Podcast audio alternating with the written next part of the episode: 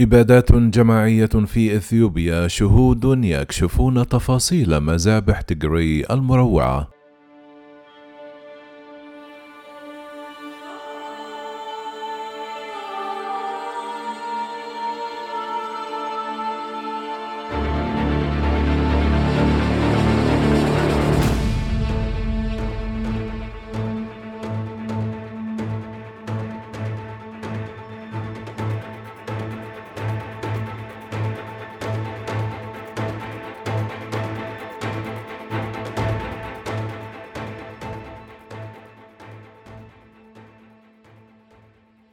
سلط تقرير لوكالة أسوسيت بريس الضوء على إبادة عرقية ترتكب في إقليم تيغري حيث يجمع روايات لشهود على مذابح مروعة.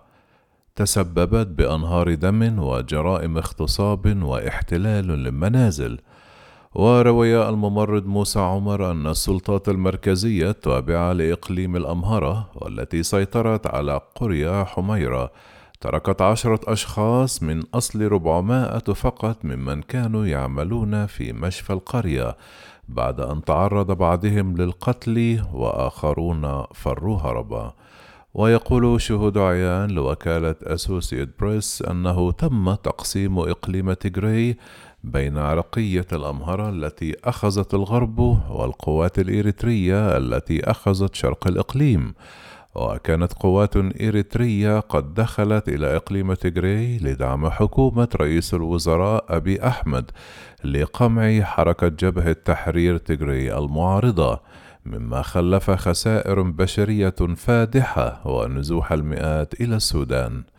ولأشهر كان سكان تيغري معزولون إلى حد كبير عن العالم وسط انقطاع متواصل للتيار الكهربائي والاتصالات السلكية واللاسلكية وغالبا تستولي قوات الأمن على الهواتف المحمولة مما يترك القليل من الأدلة لتعزيز مزاعم قتل الآلاف.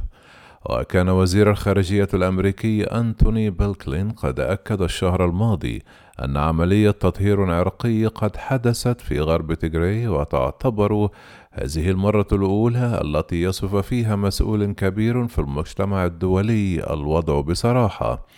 ومصطلح التطهير العرقي يعني إجبار السكان على مغادرة مكان من خلال عمليات الطرد أو العنف وفي أغلب الوقت يتضمن ذلك قتل الكثير من السكان وارتكاب جرائم اغتصاب.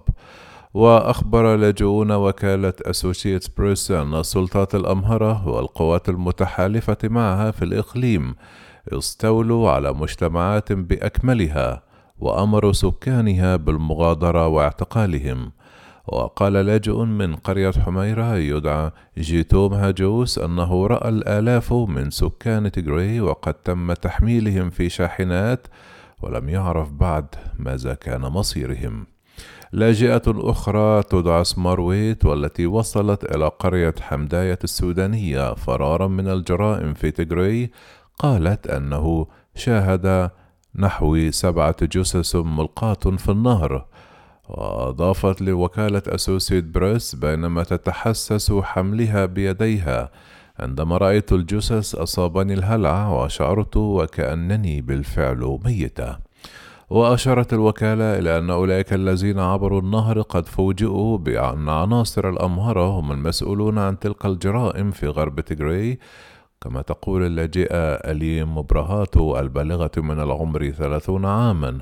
وقالت مبرهاتو أن بيتها في تيغري قد احتلته عناصر ميليشيات الأمهرة وعندما طلبت منهم أخذ ملابسها قبل الرحيل فقد قاموا بحرقها وحرق منزلها وإخبارها بضرورة المغادره وأضافت اللاجئه الظاهر عليها علامات الإرهاق والقلق أن هدفهم هو عدم ترك أي تجراوي.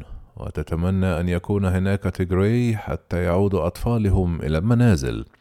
وتتكون إثيوبيا من عشرة أقاليم إدارية مقسمة على أسس عرقية ويتمتع كل منها بسلطات واسعة وتدور بين عدد من هذه الأقاليم نزاعات بعضها بسبب الخلافات على مناطق حدودية والبعض الآخر لأسباب سياسية تتطور أحيانا إلى أعمال عنف دموية.